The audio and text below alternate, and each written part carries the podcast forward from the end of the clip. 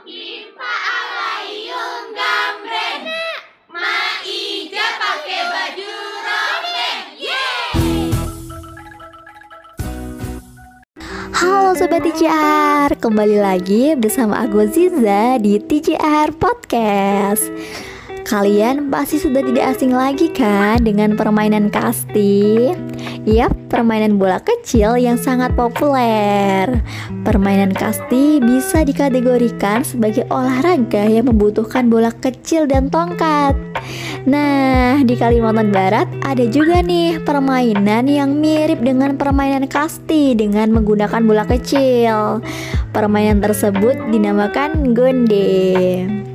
Gonde merupakan permainan yang telah lama dikenal oleh masyarakat Kalimantan Barat, khususnya Kecamatan Selakau, Kabupaten Sambas. Akan tetapi, mengutip dari warisan budaya.kemendikbud.go.id, awal mula adanya permainan gonde di Kabupaten Sambas belum diketahui secara pasti. Yang jelas, permainan ini menjadi salah satu ciri khas rakyat di daerah tersebut. Gonde merupakan permainan bola kecil yang bolanya terbuat dari ayaman daun kelapa muda dan bentuknya seperti kubus. Hal inilah yang membedakan gonde dengan kasti.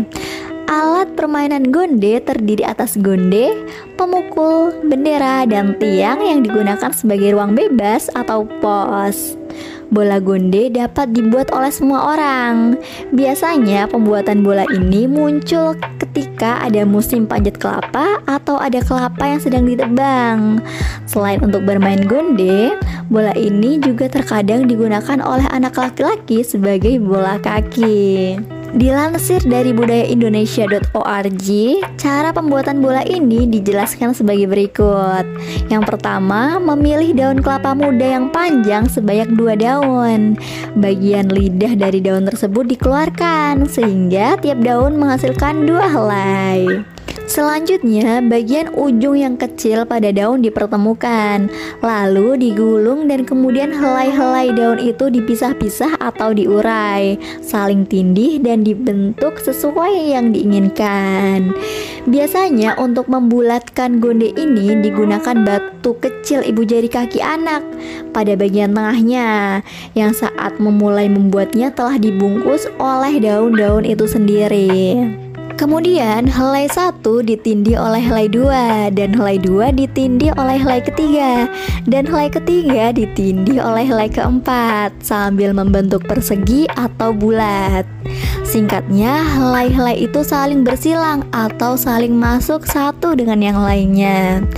Sebagai dasar ukuran keserasian bentuk adalah ujung yang kecil tadi tetap berada di tengah yang dikelilingi secara silang dari helai-helai daun yang besar sehingga ujung yang kecil tadi tetap muncul sebagai hiasan setelah gonde selesai dibuat. Setelah itu, bagian ujung daun yang besar setelah selesai disilang-silang dikunci dengan cara dimasukkan pada bagian yang sudah disilang atau diurai sehingga tidak terlihat ujung ujungnya.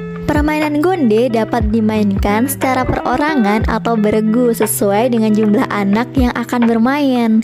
Adapun cara bermainnya yaitu Pertama-tama para pemain membentuk kelompok regu dengan melakukan home pimpa Lalu menunjuk ketua kelompok yang akan mengundi siapa yang pertama kali menjadi penjaga setelah itu, regu pemukul berkumpul di area bebas dan regu penjaga menyebar di lapangan bermain.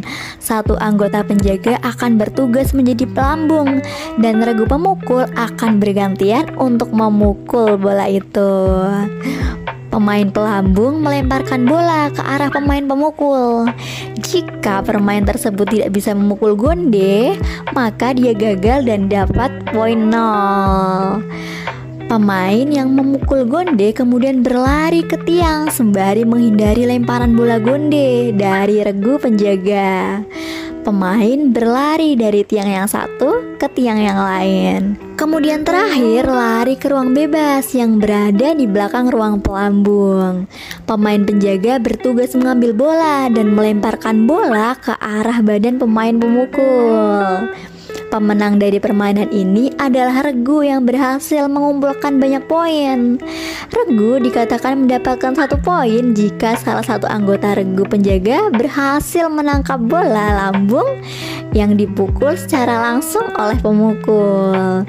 Regu dikatakan mendapatkan dua poin jika Regu pemukul dapat kembali langsung setelah berada di area bebas. Nah, itu dia penjelasan mengenai permainan gonde yang konsepnya mirip dengan permainan kasti. Permainan gonde dapat dijadikan sebagai pengisi waktu senggang yang bersifat rekreasi, dapat melatih anak-anak dalam mematuhi aturan-aturan, dan dapat mengembangkan kekuatan gerak otot anak. Oke, mungkin itu saja yang bisa aku sampaikan mengenai permainan gonde. See you in the next podcast. Lupakan gadgetmu, ayo main di luar. Bye bye.